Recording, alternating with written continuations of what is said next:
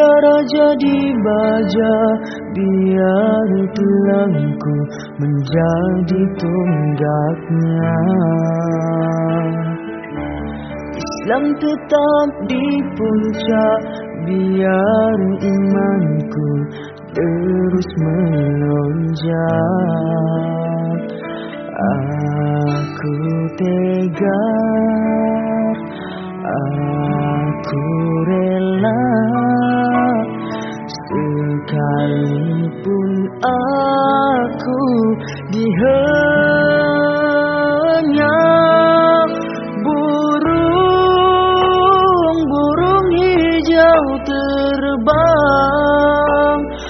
Rohku tenang melayang. Syurga Firdausi menungguku datang. Bidadari pun tersenyum. Merindu cumbu harum Di saat cinta mekarku bercantum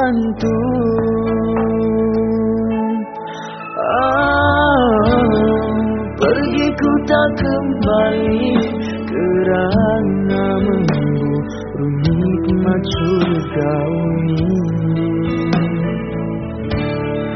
Itulah yang hakiki Itu yang abadi.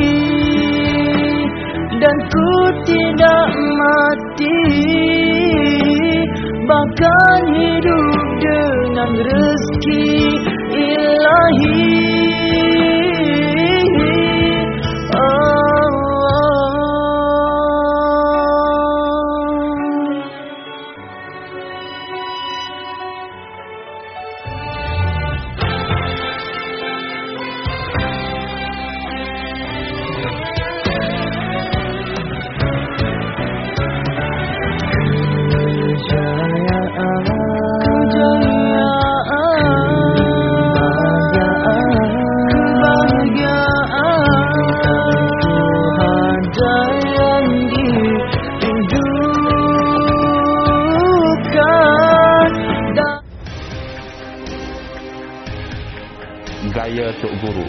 sebuah program baru yang diterbitkan oleh Institut Pemikiran Tok Guru. kita pun uh, yang pernah mendapat didikan daripada beliau maka perlulah kita menjaga yang perlu menjaga sunnah Nabi itu. Sebenarnya Tok Guru ni dia dengan anak-anak ni seperti mana kita kenal uh, almarhum Tok Guru ni dia suka dengan ilmu dan dia menitik beratkan ilmu bila sebutlah Tok Guru kebiasaannya kita akan refer Tok Guru ni Aziz lah.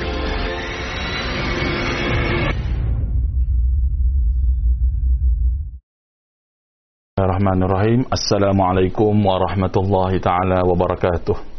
Alhamdulillah. Syukur pada Allah Subhanahu wa taala kerana pada hari ini dapat sekali lagi kita bertemu secara atas talian dalam program podcast Gaya Tok Guru. Di mana podcast Gaya Tok Guru ini merupakan salah satu program bual bicara santai yang akan menampilkan insan-insan yang dekat dan rapat dengan Tok Guru menampilkan insan-insan yang pernah berkhidmat dan berjuang bersama-sama Tok Guru. Untuk mereka berkongsi kisah untuk mereka berkongsi pengalaman dengan Tok Guru Datuk Bentara Setia Ni Abdul Aziz bin, bin Nikmat pada suatu ketika dahulu. Kita akan bincangkan dalam pelbagai segi, dalam pelbagai segi. Tok Guru dari sudut pandang keluarganya macam mana Tok Guru uh, sebagai seorang pentadbir, Tok Guru sebagai seorang ahli politik dan pelbagai uh, pelbagai lagi sudut yang kita akan bicarakan. Di mana pada minggu yang uh, pertama kita tampilkan menantu Tok Guru itu Profesor Madya Dr. Nik Yusri bin Musa yang telah memberikan gambaran secara menyeluruh berkaitan perjalanan hidup Tok Guru.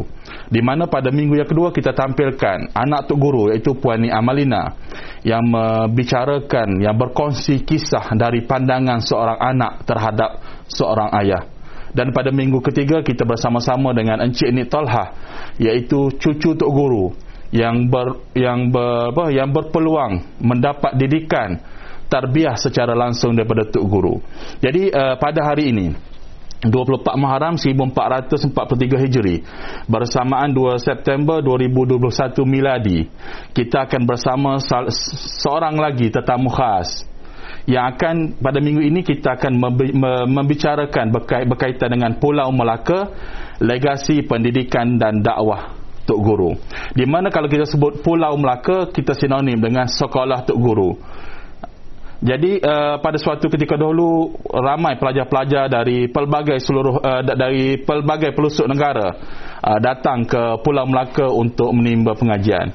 Dan untuk uh, menjayakan uh, bual bicara kita pada pagi ini kita akan bersama-sama tetamu khas kita iaitu Ustaz Nihamdi bin Abdul Ghani uh, pengetua Sekolah Menengah Agama Arab Darul Anwar Pulau Melaka. Jadi terima kasih Ustaz kerana sudi untuk bersama-sama dengan kita pada hari ini Ustaz. InsyaAllah. Jadi uh, sebagai mulanya uh, kita minta ustaz lah untuk memperkenalkan sedikit uh, latar belakang pendidikan, kerjaya dan saya dimaklumkan ustaz juga merupakan uh, bukan orang lain lah dengan Tok Guru ni. uh, jadi kita nak ustaz cerita sikit lah. Uh, siapa sebenarnya ustaz dengan Tok Guru ni Aziz ni? Silakan ustaz. Assalamualaikum warahmatullahi Alhamdulillah wassalatu wassalamu ala rasulillah amma ba'd. Rabbi syrah li sadri wa yassir li amri wahlul 'uqdatam min lisani yafqahu qawli. Subhanaka la ilma lana illa ma 'allamtana innaka antal alimul hakim. Wala haula wala quwwata illa billahil aliyyil azim. Amma ba Terima kasih pada tuan moderator uh, saudara Fathi dan uh, sebagai permulaan sebenarnya sebagaimana tuan uh, pengurusi sebut uh, bahawa memang ada pertalian lah. Kebetulannya ibu saya uh, Ustazah Ni Aminah tu adalah adik kepada almarhum Tok Guru. Jadi saya dengan Tok Guru ni anak saudara lah. Tok hmm. Guru tu mak saudara. Eh, pak saudara saudara. Uh, saya dilahirkan di Sungai Mati Rawang Muar Johor. Orang Johor. IC 01 oh. Ayah uh, cikgu guru kementerian. Ah. jadi ayah balik Mesir tahun 73 Bul, kena lapor diri di Johor. Sejarahnya ayah bila habis ngaji di Mesir Hmm. ayah ni orang pertama pergi Mesir uh, dia masuk is apa ni saya panggil dalam puri tu?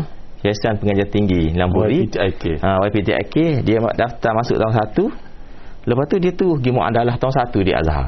Ah. biasanya orang habis. Tahun 3 di Tahun tiga di Lamburi dulu, dan baru tadi- sama Mesir? baru sama Mesir. Tabung uh, Mesir ni, uh, tahun 3 tahun 4 dah lah. Ah. tapi ayah ni dia tahun 1 di YPTIK dia cuba. Ah. sebab ada pelajar Thailand uh, jaya jadi ayah pun cuba. Jadi dia orang pertama di Kelantan ni hak boleh masuk tahun 1 Azhar dengan muadalah YPTIK uh, bila habis ngaji lebih kurang tahun 73 ayah gini 29 Hmm. bila habis ngaji dia pun atas surat lah kepada Kerajaan Kelantan kepada Kerajaan Malaysia Kementerian Pendidikan minta bantuan untuk nak sambung master jadi banyak-banyak orang di atas surat tu Kementerian Pendidikan Malaysia jawab sila balik lapor diri di Johor Ah. sampai tu muka tak ramai kau orang uh, uh, agama ni. Jadi kementerian suruh lapor diri. Dia minta bantuan pinjaman Sambung ngaji. tu sambung ngaji. Jadi bila dah uh, boleh rezeki gitu kan tak ada rezeki nak sambung ayah pun balik lapor diri Johor di Muar lepas tu balik Kelantan pergi Penang anak, anak murid dia Ah. Mak ni dah ngaji sebab ayah sebelum pergi Mesir dia ngajar di Madrasah Darul Anwar. Darul Anwar. Ha. Kali dia buat tidur dia anak murid. Jadi bila dia balik daripada Mesir pergi lapor diri di Johor. Kemudian setelah lapor diri balik Kelantan uh, Mina dan nikah. Uh, mak lepas tu buat balik ke Johor. Uh, mana sudah nikah tu balik Johor. Ada kisah perkahwin hmm. mak ayah ni. Uh, gemulah Pak Joh ha, Pak Joh orang Pulau Melaka tahu lah Pak Joh ni. Anak dia duduk di pejabat MV dia cerita dia kata hari nikah tu Tok Guru Nikmat ni perhati Tok Guru ni mana ayah Tok Guru ayah ni Tok Guru Aziz. Aziz ha, Tok hari ni dia perhati calon natu dia ni Hmm. Guti rambut tu andai kedok. Ah. Ha, dia patai menang orang andai. ha, kata guti tak apa tapi jangan andai. Tak tahulah kan apa Tok Guru marah menang andai rambut. kali tiru Mak Saleh kali nama tu. Masa- Hmm. Dia tengok-tengok. Ah dulu. Boleh jadi natu. jadi bermulalah kehidupan ayah dengan mak di Johor. Anak sulung kakak uh, lahir tahun 74 dan saya lahir setahun lepas pada tu. Nombor dua lah. Hmm. Anak yang kedua daripada sebelah orang adik-beradik. Hamah. Sungai Mati Rawang Muar Johor. Kemudian bila umur 3 tahun ayah bertukar ke Kuala Lumpur. Ayah minta nak balik Kelantan. Boleh Kuala Lumpur. Duduk di Batu Kif Selangor. Saya pindah situ. Sapalah dari satu. Di sekolah kebangsaan Sungai Tua.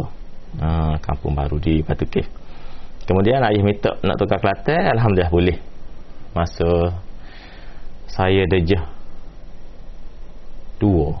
Ha, lebih kurang tahun 1983 bertukar ke Kuala Kerai.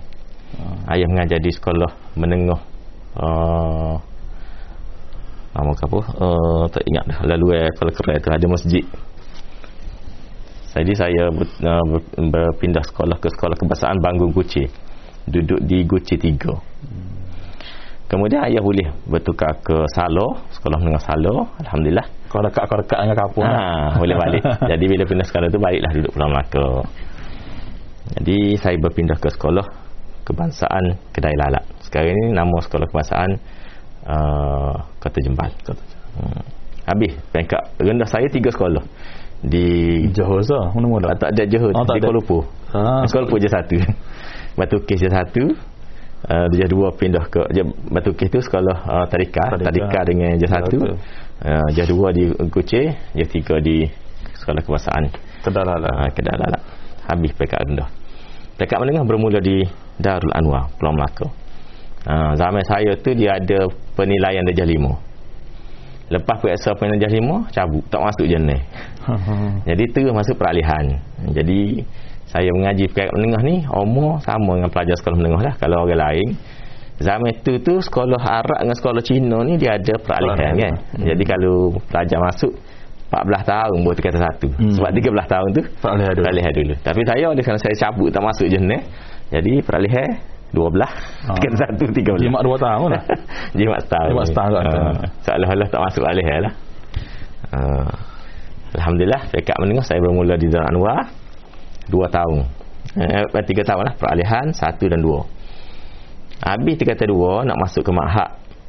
Jadi semasa permohonan dibuat tu kebetulan pegawai di ASI yang bertanggungjawab untuk masuk ke Mahad Muhammadi ni buat umrah.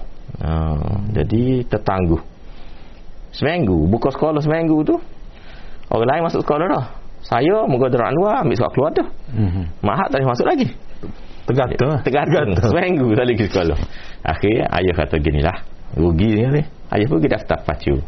Ah, dia belajar pacu setahun. SMUA Tarbiyah Mardiah Pancu. Ha, dia lah belajar setahun situ. Kata Pak barulah masuk ke Muhammadiyah lagi. Alhamdulillah habis uh, STU saya sambung belajar ke Universiti Al-Azhar Mesir pada tahun 1994. Hmm. Balik daripada Mesir, saya bertugas sebagai kerani di Yayasan Islam Kelantan. Ha, jadi kerani tu. Balik sebulan tu betul eh. Ada kosong kerani tu di ha- unit haiwan murid. Dalam tugas lebih tak silap 4 bulan. Ha, barulah bermula bertugas di uh, SMUA Sulamiah Bunuk Payung. Ha, Bunuk Payung sebagai sekolah pertama saya. Ketika itu juga saya uh, buat diploma pendidikan KPLI. Dan pada tahun 2011 uh, saya telah dihantar ke Republik Arab Mesir oleh Kerajaan Kelantan uh, sebagai pegawai kebajikan pelajar Kelantan Mesir. Pegawai yang pertama jawatan itu diwujudkan sebab negeri-negeri lain dia sejarahnya di Mesir ni mana-mana kerajaan negeri yang ada asrama. Mhm. Selangor, Pahang, Kedah, semua ada asrama ni. Uh, pihak kedutaan panggil wakil kerajaan negeri supaya hantar wakil macam warden asrama lah. Uh, supaya mudah nak berhubung dengan pelajar. Payah jadi pihak kedutaan minta setiap kerajaan negeri yang ada rumah, ada asrama di Mesir sila hantar pegawai. Maka alhamdulillah tahun 2011 kerajaan Kelantan bersetuju dengan saranan tersebut. Jadi selepas proses temu duga, uh, saya telah dipilih dan dihantar ke sana Hmm.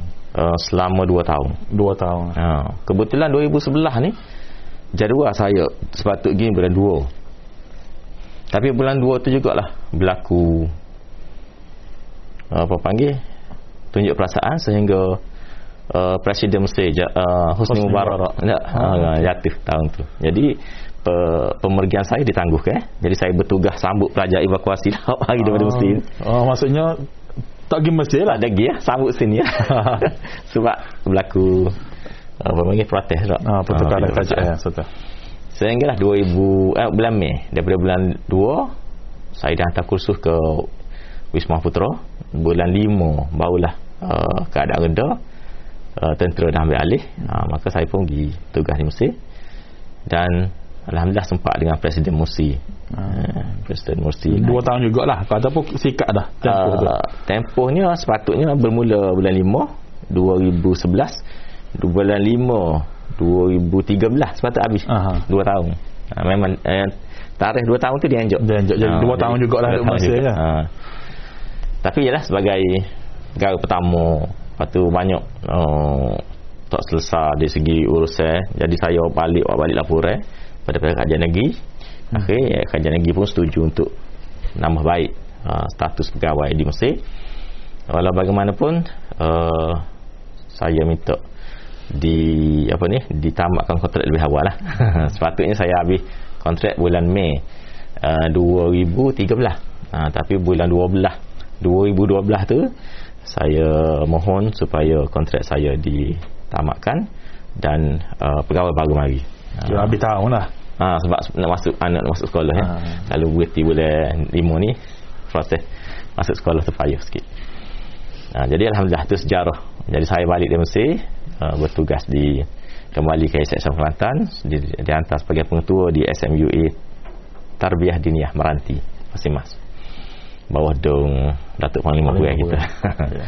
Dan kebetulan Datuk Panglima Puan ni uh, yang dipertua PIBG sekarang tu. Sempat 2 tahun. Uh, kemudian saya bertukar ke Istiqamah Padang dekat dengan rumah. Uh, 7 bulan. Hmm. Ha, kemudian dipinjamkan ke Institut Latihan Perguruan Kelantan ILPK, ILPK. Ha, yang baru ditubuhkan pada tahun tersebut. Jadi ni dah. Ha, ni yang baru bunyi ha, tu Naik ada. darah. Naik darah jadi Ildan Institut Latihan Darul. Naim. Ha. Saya sempat 2015 bulan tu eh, bulan 8 1 Ogos sehinggalah 2017. Ha, maknanya lebih kurang 2 tahun lebih. Kedai dengan almarhum Datuk Yaakob lah. Ha, masa saya masuk tu Cikgu Yazid mengarah Dr. Yaakob uh, sekali ya dia Ha. ketua unit uh, bahagian pendidikan. Hmm. Dan alhamdulillah saya mas, masa pertukaran pengarah Dr. Yaakob pun saya masih lagi sana. Uh, dan sekarang uh, ya, saya masih uh, saya bertugas di Sekolah Menengah Agama Arab Darul Anwar bermula 2019 eh lebih 19. tepat lagi 16 Disember 2018 bila proses uh, pengambil alihan dia sejarah Darul Anwar ni kita Hmm. uh, mungkin saya boleh masuk sikit Ya, eh. ya. Uh, apabila ayah almarhum Tok Guru ni tubuh tahun 1965 kemudian uh, 1965 tu Darul Anwar ditubuhkan. ditubuhkan Oh, eh, dia- 63 63.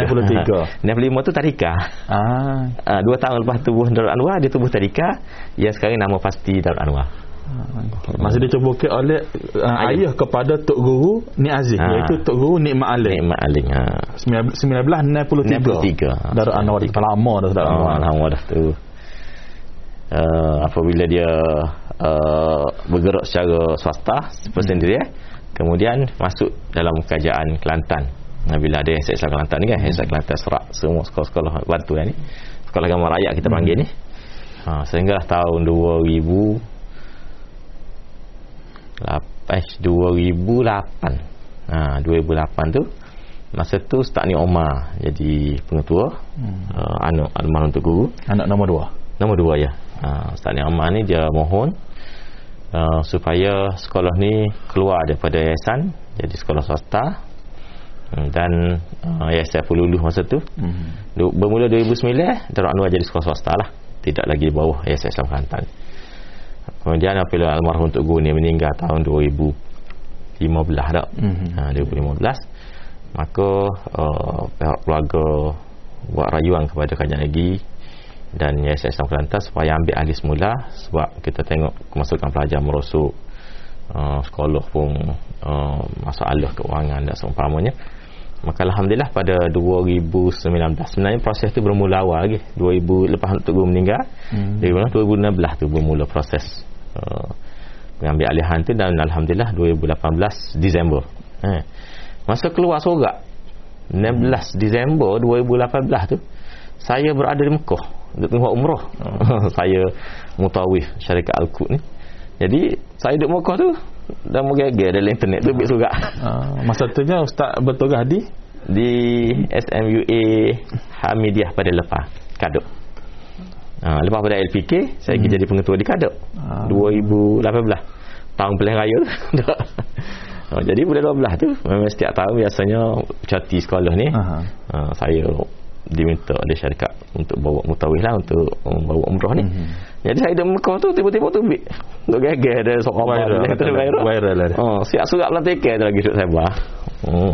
jadi balik tu tu kenapa diri uh, itulah sejarah lebih kurang. Dan saya sekarang ni Alhamdulillah um, isteri saya Ummu Umais binti Mak Razali dan anak ada enam orang. Uh, yang sulung SPM tahun ni Mak Tafiq Al-Quran Pulau Condong hmm. dan yang bongsu umur uh, 3 tahun empat lelaki dua perempuan Alhamdulillah jadi Ustaz uh, pada minggu pertama lah siri pertama Gaya Tok Guru ni uh-huh. uh, Dr. Ni, Ni Yusri pernah berkongsi lah apabila Tok Guru Ni Aziz ni 10 tahun dia belajar di luar luar negara tak pernah balik-balik bila balik tu dia sebut uh, antara benda pertama Tok Guru ni buat ialah uh, mengajar di sekolah Darul Anwar lah. Jadi mungkin Ustaz boleh cerita sikit uh, dengan lebih detail uh, apabila Tok Guru ni Aziz ni uh, 10 tahun ngaji di luar negara dan balik semula ke tanah Melayu ni ke Melaka Kelantan ni. Apa dia antara benda pertama dia uh, dia buat lah dari segi dakwah dan pendidikan. Uh, cerita ni kalau daripada pok saudara mak saudara lebih detail lah hmm. sebab anak pada tuk guru kan saya pun dapat daripada pok saudara mak saudara daripada mak saya sendiri mula-mula tuk guru balik kalau kita pernah tengok dalam gambar ni tuk hmm. guru masa duduk Mesir smart dok hmm. pakai baju kuk dok hmm. rambut sisi orang panggil nak pergi radio tu dok dengar dia nak kemah sarak dia tu bila dia balik ayah dia macam anda sebut tadi lah Tok Kun Imak ni dia patah kalau guting andai so Ha, lepas tu rambut memang papah pendek. Ha. Jadi, hok rambut tok guru hok semak di Mesir tu. Mak nak cerita. Siapa-siapa ni? Dia bila turun di Singapura tu papah pendek. Goting lalu. Ha, goting lalu lah. Jadi siapa di rumah tu memang rambut pendek lah. Tak adalah rambut Mesir tu. uh, bila siapa-siapa tu daripada Panji kat JPJ lah ni mm-hmm. nak pergi ke Pulau Melaka masa zaman tu tak ada lagi jambatan yeah, yeah. jadi naik ferry ha. jadi tukar ferry tu nama Encik Ami almarhum dia lah orang pertama hok rasa Tok Guru balik Orang lain lah. Ha, orang tak pasal belakang. Ha. Bila siapa-siapa, Tok Guru mai go pakai ya biasa, hmm. bawa bib besar. So. 10 tahun dah tak kelik. Ha, so dah tak kelik. Dia duk, duk tarik uh, ferry ni. Dia tengok kebit tengok. Ni Aziz oh, dia, dia. Jadi dia lah Bila dia sebut ni Aziz Oh lain lah, lah. Ha. Jadi ceritanya Hak ni Amba dengar dalam kuliah Tok Guru sebut hmm. Dia kata Amba siapa daripada Mesir ni Siapa sedang ada siapa Pulau Melaka tu orang biasa Jadi dia letak beg atas rumah Terus naik Semayasa uh, Ayah dia tolak dia lalu Tok Imeh Mayasa pertama siapa tu Tok Ku nikmat suruh wi kuliah lalu tak makan kecap. Banyak ke balik Mesir tu wi kuliah lalu makin mahal lalu tak ada fan tak ada fan apa tak ada duduk atas rumah lagi. Tu kuliah asal uh-huh. jadi tu guru kata ambo siapa-siapa tu ayah suruh kuliah. Ambo pun ambil lah tajuk kul uh, surah An-Nas kul a'udzu ni tafsir surah An-Nas. Hmm. Tak situ siapa kali ni? Masa tu tu sebut di media ilmu. Ilmu. Ha siapa ni? Duk duk ngajar, duk ceramah. Maksudnya ha, masa muka ayah suruh ngaji ngaji ngaji ngajar. ha, jadi siapa-siapa tu ayah, ayah dia suruh ngajar lagi. Masa start dengan surah An-Nas. Ha. Kira ngajar tafsir tu tafsir start lalu. Ha, berarti naik ke Betul saya siapa? Surah Al-Falaq, surah uh, Al-Ikhlas kan. Ha. Ha, jadi tu kata tu lah. Tu kata kalau lah ada orang rakyat masa tu hamba nak dengar. Gapo dia hak dia, dia, dia kuliah masa tu lah. Hmm. Uh, Hmm. dan lepas tu pula kan boleh start kos sikit uh, Tok Guru dikatakan mengajar di uh, dua sekolah pada masa Darul Anwar dan juga di Pacu Ha. Hak hamba dapat maklumatnya uh, masih siapa tu Darat Anwar tak ada lagi. hmm. Ha. Uh, dengan usaha dia lah bersama ayah dia lah buat uh, baru di- ditubuhkan ha, ditubuhkan uh, lepas tu sekolah pacu tu sekolah harap pacu memang ada awal lagi almarhum Pak Nila hmm. hmm, dia mengajar sana uh, lepas tu ada satu lagi dipanggil sekolah dewasa Hak ni bawah kerajaan pusat uh, uh, kalau kita kemah lah ni kan Kemah, ha. ha, je. sebab itulah bila dalam musim pilihan raya ada orang waktu buat cerita dia kata Tok Guru mula klik musim kerja UMNO Ah. Kira Tok Guru mengajar sekolah dewasa sama Ah, dewasa kemah Ah. saat ni. Padahal sekolah dewasa ni memang masa tu memang keperluan masyarakat lah moga butuh huruf ni ramai di kalangan orang dewasa kita tengok cerita pernah Ya. kan ada sekolah dewasa uh, itulah hamba dapat maklumat Ya. Jadi uh, selain daripada ni saya sebut uh, di Pulau Melaka tu uh, ada Darul Anwar hak 1963 ditubuhkan. Selain itu apa dia lagi hak institusi-institusi pendidikan ataupun dakwah ni. hmm. Kalau mas super masjid, masjid tu guru sendiri tu Ah. uh, tahun bila ditubuhkan lagu mana dia punya proses siapa tubuh, lepas tu apa dia aktiviti atau. Se- pertamanya sebab apa Darul Anwar Hmm. dia sebenarnya Sebab apa masjid- uh, buh nama Darul Anwar. Darul Anwar tu. Sebenarnya masjid tu masjid Darul Anwar, sekolah tu sekolah Darul Anwar. Dia Darul Anwar ni masjid dan wa madrasah. Dua-dua tu nama Darul kompleks kompleks Ah. pendidikan dah tu. Dia uh, masa tu Tok Guru atas uh, ayah Tok Guru ni, Tok Guru ni atas Tok Guru ngaji di India, Mhm. Darul Ulum di Uban. Ha, jadi Darul Ulum ni kalau kita panggil rumah oh, ilmu dak ulum. Jadi bila awak balik Tok Guru kata dah Tok Guru ni mak kata dah di India ada Darul Ulum, kita buat Darul Anwar. Ha, nur cahaya kan. Ha. Nur Anwar Darul Anwar ni. Sebab sana Darul Ulum dah sini Darul Anwar. Ambil inspirasi. Situ nama Darul Anwar tu. tempat turun ngaji lah. Ha, maka dia buat masjid. Masjid ni pun ada sejarah menarik juga. Hmm. Ana dapat cerita daripada orang kampung. Dia kata mana masa mula-mula toko ni mak buka masjid Pulau Melaka ni.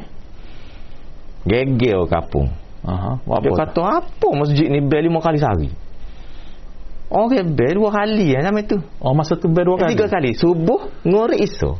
Ah, maksudnya ada orang pergi bayar di masjid masa tu. Ha, zaman tu masjid hanya azan tiga eh. Subuh, ngorek iso. Ah, Kali Zuhur dengan Asar tu duk kerja pada dia ke apa cuma lah. dia cedung duk pada. Tiba-tiba Masjid Pulau Melaka ni Subuh be Zuhur be Asar be Ngorik be Isam be Pelik apa masjid ni? Jadi satu benda Reformasi Macam satu pembaharuan. Dalam masyarakat pada masa tu Ah. lah. Jadi Alhamdulillah lah ni tak bunyi dah Iyalah. Kalau masjid tiga bel tu pelik. Tapi tamai dulu memang tak banyak masjid. Sebab tengah hari Zuhur Asar ni Biasa orang duduk pada Duduk cedung. Jadi duduk dalam kebun tu. Ha, Jadi bila Tok Guru Tok Nikmat ni memulakan uh, Inovasi lah kita panggil tak Memulakan benda baru masyarakat ni uh, Semaya berjemaah lima, kali, lima waktu sehari. Azal lima kali sehari. Hmm. ha, Jadi itulah. Jadi bila pelik pun orang pakai aku pakai mari. Ha, Jadi cerita Zaman saya nak semai Buat azal Jumaat dua kali tu Berulang Hmm. apa. Sejarah dah benda berulang. Jadi bila bina masjid Bina sekolah ha, Jadi sekolah ni Bila start dia buka sekolah Pramakor ni kak Semua anak-anak tokku ni Semua ngaji tu lah. Asalnya ngaji sekolah dah Ngaji sekolah. Kedai lalak tu dah. uh, sekolah uh, tapir rasanya uh, tempat duduk li tahlil ni. Banyaklah uh, pergi sekolah dengan kuda. Ha, hebat dia. Moga dia ada kuda kan? Hmm. Tapi bila buka sekolah ni semua masuk. Uh, ngaji di Melaka. Ha, jadi antara tenaga pengajarnya Tok Guru sendiri lah.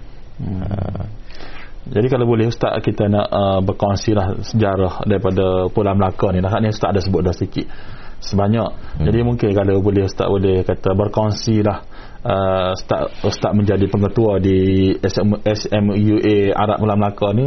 Uh, apa dia dah perancangan ataupun aktiviti dah kata visi lah Ustaz nak bawa untuk uh, membangunkan lagi uh, Darul Anwar ni sebagai salah seorang kata keturunan dan legasi Tok Guru Ni Ma'alim Tok Guru Ni Aziz ni Ustaz diamanahkan untuk mengetuai Darul Anwar pada masa ni ni jadi apa dia perancangan Ustaz nak buat dah hak buat dah ke? Uh, harapan dan visi dia berkait- berkaitan dengan Pulau Melaka ni? Uh, Alhamdulillah saya ni bila habis ngaji tahun 94 saya cerita tadi kan Hmm. habis STU sementara tunggu uh, kakek kapal terbang nak pergi Mesir saya ngajar di Pulau Melaka sebagai guru ganti bersaling masa tu Ustazah Syarif Fatih dia bersaling jadi saya ganti dia sebagai guru bersaling dan ngajar lah sebelum lagi Mesir jadi saya guru YSN ni semenjak tahun 1994 masa tu sekolah buka dah. Uh, cara mereka dulu SP saya kan? Jadi uh, saya balik Mesir. Saya bertugas di saya sebut tadi Gunung Payung hmm. kemudian tukar di Mak Tafi Pulau Condong kemudian Maha, Muhammad Dipueh ha, di Muhammad Dipueh tu lah semasa saya duduk di Muhammad Dipueh uh, Jalan Merbau tu uh, berlaku kekosongan jawatan penolakan di Darul Anwar ha, masa tu Ustaz Ni Omar pengetua jadi penolakannya dia Ustaz Nasruddin Mahmud Muhyiddin sekarang pengaruh hibis. Ah, okey. Ah, dia masa tu dia letak jawatan jadi pegawai khas kepada Esko Esko. Datuk Tak- Datuk Takiuddin. Ha, jadi masa tu kosong. Jadi uh, yayasan nanti saya pergi jadi penolakan di situ. Uh, setelah bermula kali kedua saya berkhidmat di Pulau Melaka sebagai penolakan dan pentadbiran. Hmm, kemudian lepas tu saya bertukar ke Takadul Ma'arif kemudian pergi ke Mesir yang saya sebut tadi Hmm. balik Mesir uh, di Meranti Badai ILPK dan lepas ILPK itu di Hamidiyah pada lepas uh, kemudian saya masuk ni kali ketiga uh, petak, uh, sebenarnya mana-mana sekolah dia misi dan misinya adalah misi dan visi jabatan. Hmm. macam sekolah kementerian dia ada Jabatan Pendidikan Negeri kan? Ya. Kementerian Pendidikan jadi yayasan ni sekolah yayasan dalam kurang 92 buah sekolah ni misi dan visi sekolah sepatutnya adalah misi dan visi yayasan Kelantan. Hmm. barulah selarah. Dia sekolah tak boleh buat misi visi sendiri. Nanti lari tak serupa dengan hak yayasan ha, jadi misi Yayasan Islam Kelantan adalah mena- menjadi peneraju kepada uh, apa ni pendidikan Islam dan bahasa Arab. Ha tu dua yayasan tak. Yayasan ni dia target dia bahasa Arab dan pendidikan Islam. Maka itulah misi dan itulah visi sekolah uh, Darul Anwar Pulau Melaka. Maka saya meletakkan target insya-Allah Darul Anwar ni akan mencapai apa yang telah diletakkan garis panduannya oleh pihak Yayasan Islam Kelantan iaitu peneraju kepada pendidikan Islam dan uh, bahasa Arab. Alhamdulillah uh, dari sudut pencapaian akademik uh, kita buat program sebagaimana yang digaris diberi panduan oleh pihak Yayasan Islam Kelantan di segi akademiknya, di segi saksiah akhlaknya hmm. eh, ada program usrah, program uh, qiyamul lail dan seumpamanya untuk pembinaan akhlak dan di segi akademiknya kita menggunakan sukatan Kementerian Pendidikan Malaysia ada SPA dan kita mengerjakan sukatan Yayasan Islam Kelantan juga SMU Hmm. uh, dan hak Kementerian Pendidikan tu STAM maka semua sukatan ini dapat kita garapkan di kalangan pelajar. Alhamdulillah. Pada tahun 2019 masa tu pelajar SPM ni adalah hasil daripada uh, zaman swasta. Hmm. uh, ya kata pak maka kata lima sama kita uh, paling tinggi ya 10A Alhamdulillah. ada seorang cucu tu guru juga. Ah, anak Ustaz Nek Asri. Lepas tu tahun lepas uh, SPM 2020 oh, dalam keadaan pandemik tak Hmm. mengaji kat bulan 3 lepas tu tutup sekolah buka bulan 7 pula lepas tu tutup bulan sebelah.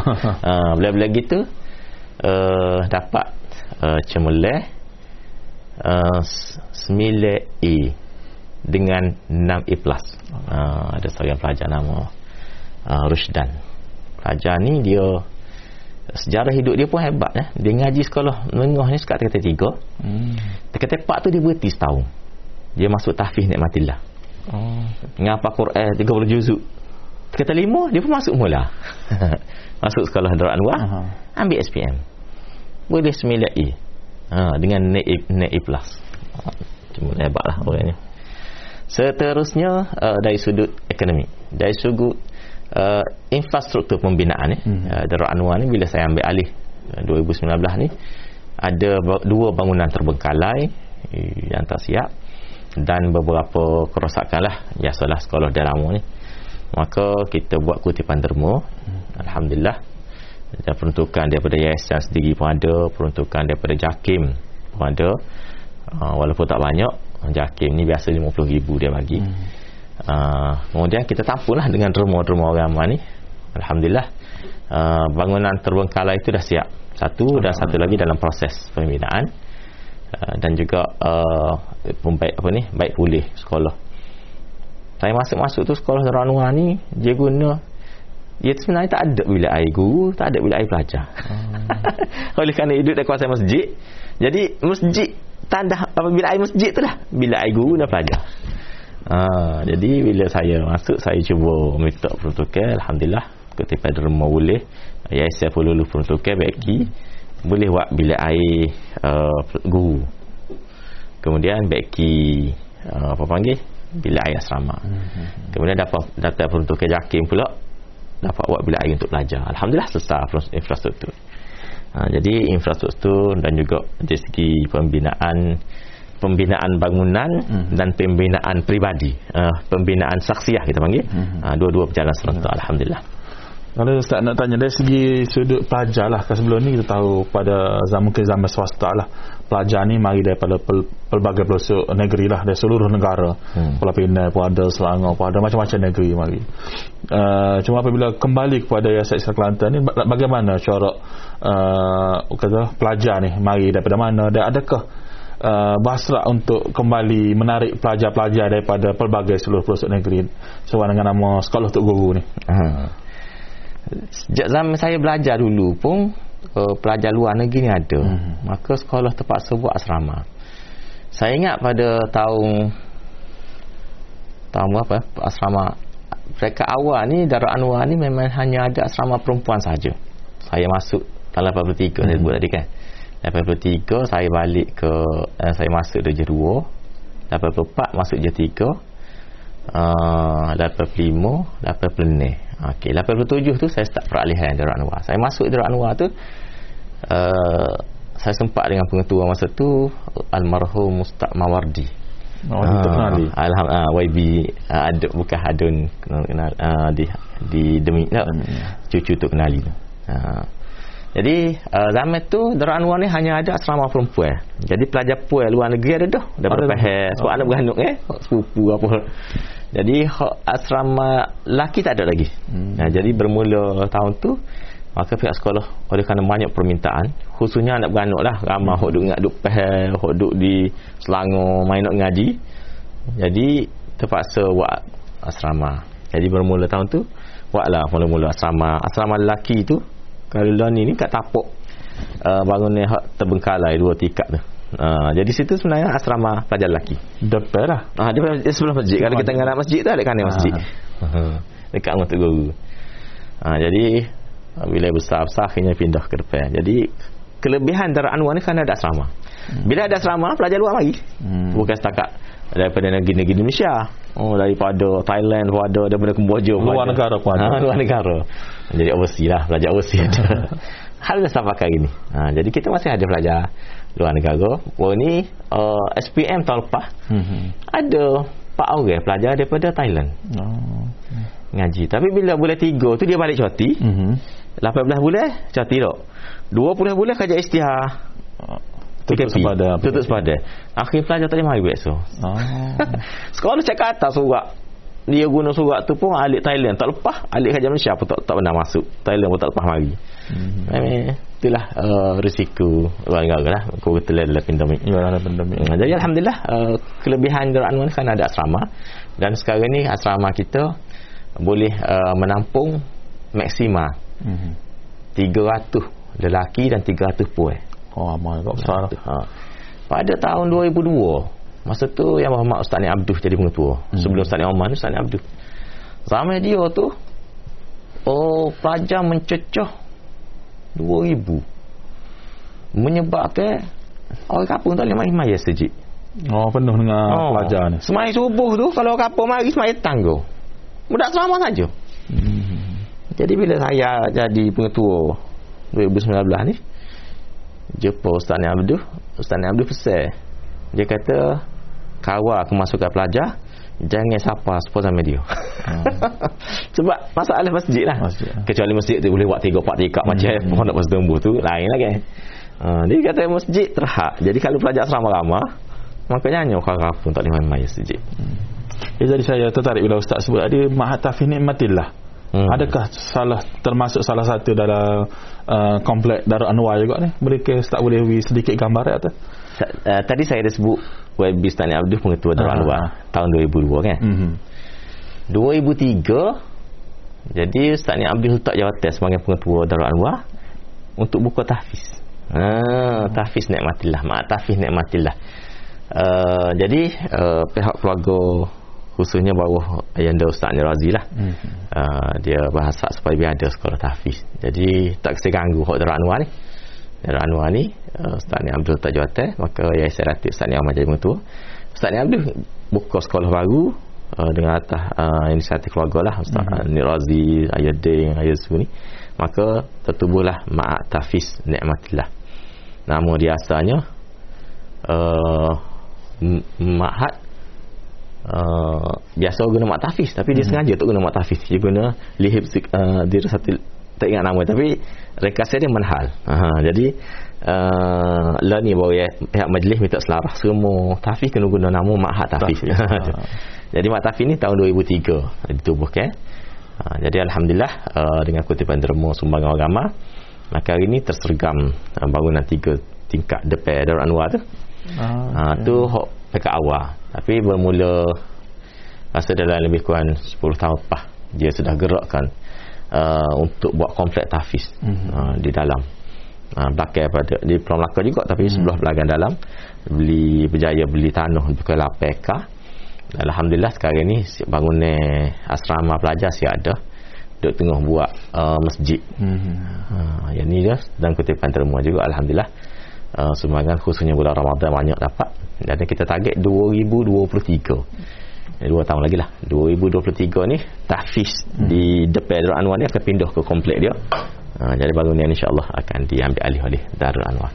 Jadi kalau kita tengok daripada, daripada awal pembicaraan kita tadi Ustaz ada beberapa institusi pendidikan lah. Yang ada di Pulau Melaka ni. Ha, senang dengan sekolah Tugu ada Masjid Darul Anwar ada sekolah Darul Anwar ada pasti juga. Dan ada juga kata Tafiz Nikmatillah. Jadi uh, bukan bukan sekadar untuk guru tapi ahli keluarga. Hmm. uh, menggerakkan usaha-usaha ni uh, usaha dari, dari pendidikan dan dakwah ni. Jadi sebagai akhirnya Ustaz lah nak tanya apa dia kata perancangan untuk meneruskan lagi legasi uh, hak diwarisi daripada keluarga ni daripada Tok ni Ma'alin daripada Tok Guru ni Aziz sendiri dengan pelbagai institusi-institusi pendidikan ni apa dia perancangan dan harapan pada masa harapan lah. Ada satu lagi saya terlupa Mhm. sebut. Sekolah rendah. Sekolah rendah uh, Ustaz Ni Omar ni masih jadi pengetua. Lepas Ustaz Ni Abdul kan Hmm. 2003 sampai 2009 2008 tu. Pengetua SS Kelantan. Uh, dia ada buka satu lagi sekolah rendah. Uh, namanya Sri Anwar. Sri Anwar. Uh, Ustaz Ni Omar ni dia belajar di Mesir ijazah. Mhm. kemudian disambung di Jordan master bahagian pendidikan. Uh, sebab itulah dia berhasrat untuk mengurus sekolah tu. Uh, sebab dia ada bahagian master dia tu. Uh, hebat Ustaz Omar ni jadi dalam pendidikan uh, bila dia buat buka sekolah rendah Sri Anwar tu 2007 tak silap bermula.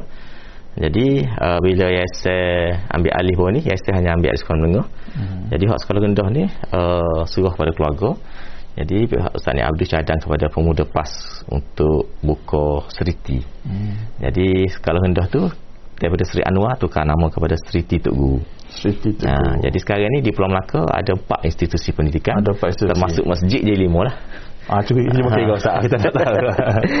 Dia start dengan uh, pasti. Pasti. Ah, sekarang Kita nama- prasekolah lah. Ah, prasekolah pasti Darul Anwar. Pasti Darul Anwar. Kemudian sekolah rendahnya Seriti. Uh, sekolah rendah integrasi Trust Islam. Mhm. Uh, Seriti Tok Guru.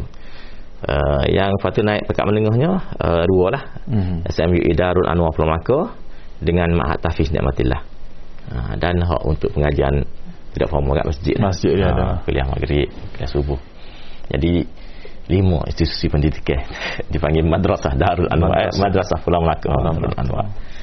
Jadi kalau berdasarkan pada persoalan uh, yang ditimbulkan oleh moderator Hmm. tadi harapan saya nak uh, sebut balik harapan pengasas sekolah Hmm. iaitu almarhum Tok Nikmat ni dia target dia buat masjid buat Darul Anwar dan kalau dia ada dia lebih sukalah kalau ada dengan pasti dengan seriti tak, dengan tahfiz ni Mhm. dia target supaya masyarakat menjadi masyarakat yang berilmu. InsyaAllah. Ha, dia buh nama Darul Anwar, rumah bercahaya, Bercahaya. cahaya ilmu. Al ilmu nurun wa nurullah la yuhdalil asi dalam hadis Nabi kan. Ilmu itu adalah cahaya. Cahaya Allah tidak akan turun kepada orang buat maksiat. Ha, jadi dia buat masjid, dia buat sekolah ni target dia untuk masyarakat berilmu. Maka meneruskan legasi tersebut uh, keluarga sekarang ni bawah uh, apa ni Tok Guru Ustaz Ni Razi Hmm. uh, dia letak target Ma'at Hafiz tu akan jadi institut IPTS Institut Pengajian Tinggi Peringkat peringkat tinggi. Ah, peringkat tinggi bukan pula. setakat tahfiz pekat menengah. Hmm. Lepas ni target dia dia akan buat institusi pendidikan hak kompleks saya kata LAPK tu. Hmm. Maknanya habis sekolah menengah ni, habis SPM akan masuk. Ha. Sama ada college-nya ataupun ada Hmm. universiti ke, kalau universiti ke, eh, mana pekat diploma, pekat ijazah. InsyaAllah tu target. InsyaAllah sama-sama Ah, jadi kita. target. Dan pertama dia nak masyarakat berilmu, dapat ilmu. Yang kedua, dia kalau boleh pelajar ni tidak dibebani dengan yuran yang tinggi. Hmm. Dia letak dah masa mula asas gimana mana pelajar miskin Mhm. uh, hak fakir miskin anak yatim ni kalau boleh dikecualikan bayaran nak suruh ngaji nak suruh boleh ngaji uh, jadi Alhamdulillah uh, kita pun letak ni dengan kutipan remo daripada masyarakat sumbangan daripada orang ramai kita buat satu tabung dana. Uh, Alhamdulillah uh, mana-mana pelajar fakir miskin. Uh, maka kita bagi sumbangan. Musim pandemik ni uh, boleh dikatakan setiap bulan hmm. kita bakul dia, macam kita kajian awak kan? Bakul kita makanan. sekolah awak juga. 100 yang kita beli dengan koperasi mahak dengan koperasi sekolah. Hmm. maka kita bagi pada mana pelajar tak silap dalam bulan lepas 53 orang. Ah. uh, 53 orang pelajar Darul Anwar. Uh, seriti Tok Guru 20 pasti pun 20 orang. Hak kita uh, dapat kesan lah. Uh, dan tahfiz pun tengah kumpul lagi. Sebab tahfiz ni uh, dia ramai duduk luar kan tidak sama. Uh, jadi kalau hak duduk sekitar tu memang kita wis lalu kita hmm. telefon memang ambil. Anwar ni sekitar. Hmm. uh, seriti sekitar. Pasti dia tahfiz ni ramai duduk luar jadi kum, uh, pihak sekolah pun tengah kumpul maklumat. Jadi itulah uh, target dia harapannya supaya pelajar dapat menimba ilmu daripada Pulau Melaka ni. Dan yang lebih besar lagi ilmu itu tidak dibebani dengan yuran yang tinggi. Uh, Ustaz dan lagu mana kalau Ustaz sebut, uh, kalau ada penonton kita di luar sana lah yang ingin turut sama-sama menyumbang dalam kata meneruskan legasi pendidikan dakwah uh, dan dakwah Tok Guru ni lagu mana dia boleh menyumbang? Uh, melalui saluran mana? Mungkin Ustaz boleh kongsi sikit. Kami soalan cepu Uh, memang dia bawah Yayasan Islam Kelantan ni kalau saya di Anwar tu bawah yayasan ni ada dua kategori sekolah. Hmm. tiga lah atau baru SABK ya, yang pertama dia panggil sekolah bantuan penuh macam hak nama mak hak tu. Mhm. mak laki mak puan mak hak pasukan mana-mana mak hak tu panggil bantuan penuh. Bantuan penuh. Bantuan separuh hak nama SMUA tu. Oh. ha. lebih kena 60 buah sekolah. Ha, lepas tu daripada 60 tu ada 20 tu hak kajian pusat tanggung SABK kita panggil tak. Hmm. maka tinggal 40 lagi. 40 lagi ni uh, bantuan separuh ni maksudnya semua gaji guru dia eh, kajian tanggung. Kajian negeri tanggung tanggung. Selesai lah. Mhm. tak perlu cari demo untuk bayar gaji. Ha, cuma untuk nak baiki bangunan untuk nak buat bangunan infrastruktur ha, lah infrastruktur ni uh, kajian negeri perlu tukar tapi tidak banyak Hmm. uh, kajian pusat pun ada macam anda sebut tadi Jakim biasa RM50,000 setahun Hmm. dia jadi nak lebih nak lebih pada tu kena cari demo Hmm. ha, jadi keempat-empat institusi ni dah pasti Seriti Darul Anwar dan Tafiz ni uh, memang kita mengalu-alukan sumbangan daripada orang ramai jadi uh, bila PKP bermula Mac 2019 eh 2020 Uh, maka orang ramai tak boleh nak pergi mari hmm. tak masjid pun tutup. Uh, orang nak rumah pun tak boleh. Maka kita pun uh, bicara dengan ada konsultan yang sanggup bantu syarikat HIT Digital. Uh, maka dia menawarkan khidmat untuk buat kutipan melalui internet. Uh, Secara online? secara online. FB ad, Hmm. kod FB kod uh, WhatsApp dan seumpama. Alhamdulillah. Uh, nampaknya masyarakat Malaysia ni pemurah Alhamdulillah. Banyak kita dapat sumbangan derma uh, boleh uh, dalam FPX melalui taik ya. Uh, Madrasah Darul Anwar ataupun Mak Tafiz Nikmatillah ataupun Sri Tok Guru Oh. ataupun Pasir Anwar mai keluar. Boleh taik kita Ha, taik saja taik nama-nama institusi pendidikan saat ni? Ha, Pak Cikgu Madrasah akan bantu. Ah, InsyaAllah. Jadi mu- mudah lah orang nak, Ha. nak menyumbang ke apa tu? Hmm, Ah, InsyaAllah boleh. Jadi Ustaz kita telah di akhir rancangan kita lah. Dalam lebih kurang sejam dah kita ni. Alhamdulillah. Ah, Bila-bila kata duk bawa duk kecek kira ni. Jadi dia kata sebagai akhirnya lah kalau ustaz ada sedikit kesimpulan lah uh, kata berkaitan dengan perbincangan kita pada hari ini. Secara umumnya uh, saya melihat bahawa dari sudut pendidikan ni almarhum Tok Guni Aziz ni cukup menitik beratkan uh, bahagian pendidikan ni. Macam kita sebut tadi dia balik-balik dia tu mengajar Mhm. maknanya almarhum ayah dia Tok Guni Mak ni memang dia fokus Tok Guru ni kerja dia ngaji ngajar betul ya? Ha, dan mak saya dia cerita memang di kalangan adik-beradik 18 orang ni bila ayah letak abel ni Tok Guni anak nombor 2 kan Mhm. sebagai tokoh masyarakat ayah dia target dah ngaji-ngaji jadi adik-adik ni pakat tolong Oh, kalau bunyi abang kelik kat ah siap-siap tu abang nak mandi, abang nak mandi. Ya dah bila air siap pergi pungguh air ke apa, pungguh zaman tu pun yeah. kan. Ha, mana adik-adik pakat ber, bersama dengan hasrat ayah dia. Ya alhamdulillah. Tok guru ni dia gaji Mesir dia balik memang dia ngajar. Sepanjang dia ngaji di India, di Mesir, duit bulan-bulan ni Mhm. Tok Kenimak ni uh, pergi ngajar malam-malam tu di masjid-masjid Ha? balasah apa Kutik derma. Dia bukan sekadar kutik derma atas saja. Tapi dia senara.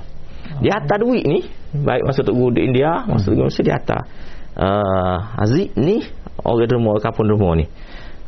Uh, 5% pacu, 3% dia senara sosok. dia tulis nama penderma tu Oh, penderma tu. Nak suruh Tok Guru ni beringat duitnya orang derma suruh ngaji. supaya ngaji sungguh-sungguh Oh, Alhamdulillah lah berkat derma ramah tu. Tegur balik jadi boleh menyumbang kepada Menyumbang masyarakat. kepada masyarakat. Ha. Alhamdulillah. Jadi Ustaz kalau begitu kita begitu sajalah kata apa setakat itu sajalah uh, podcast kita pada hari ini. Saya ucapkan terima kasih berbanyak kepada Ustaz Ni Hamdi kerana sudi untuk berkongsi berkenaan dengan Pulau Melaka yang ataupun lebih kenali dengan sekolah Tok Guru.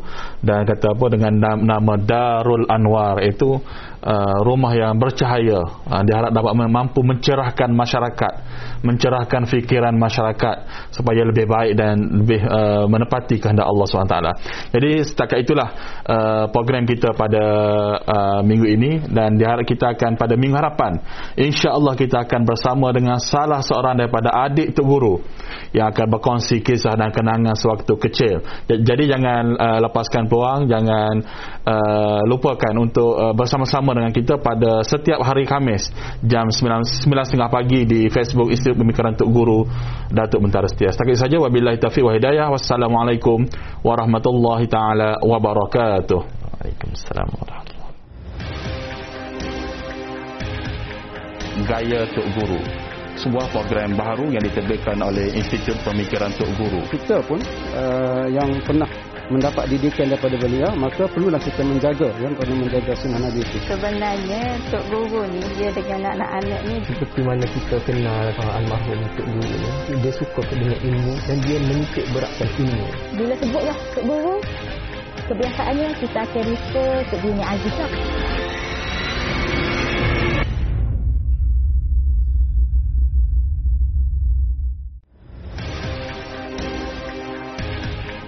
Gaya Tok Guru sebuah program baru yang diterbitkan oleh Institut Pemikiran Tok Guru. Kita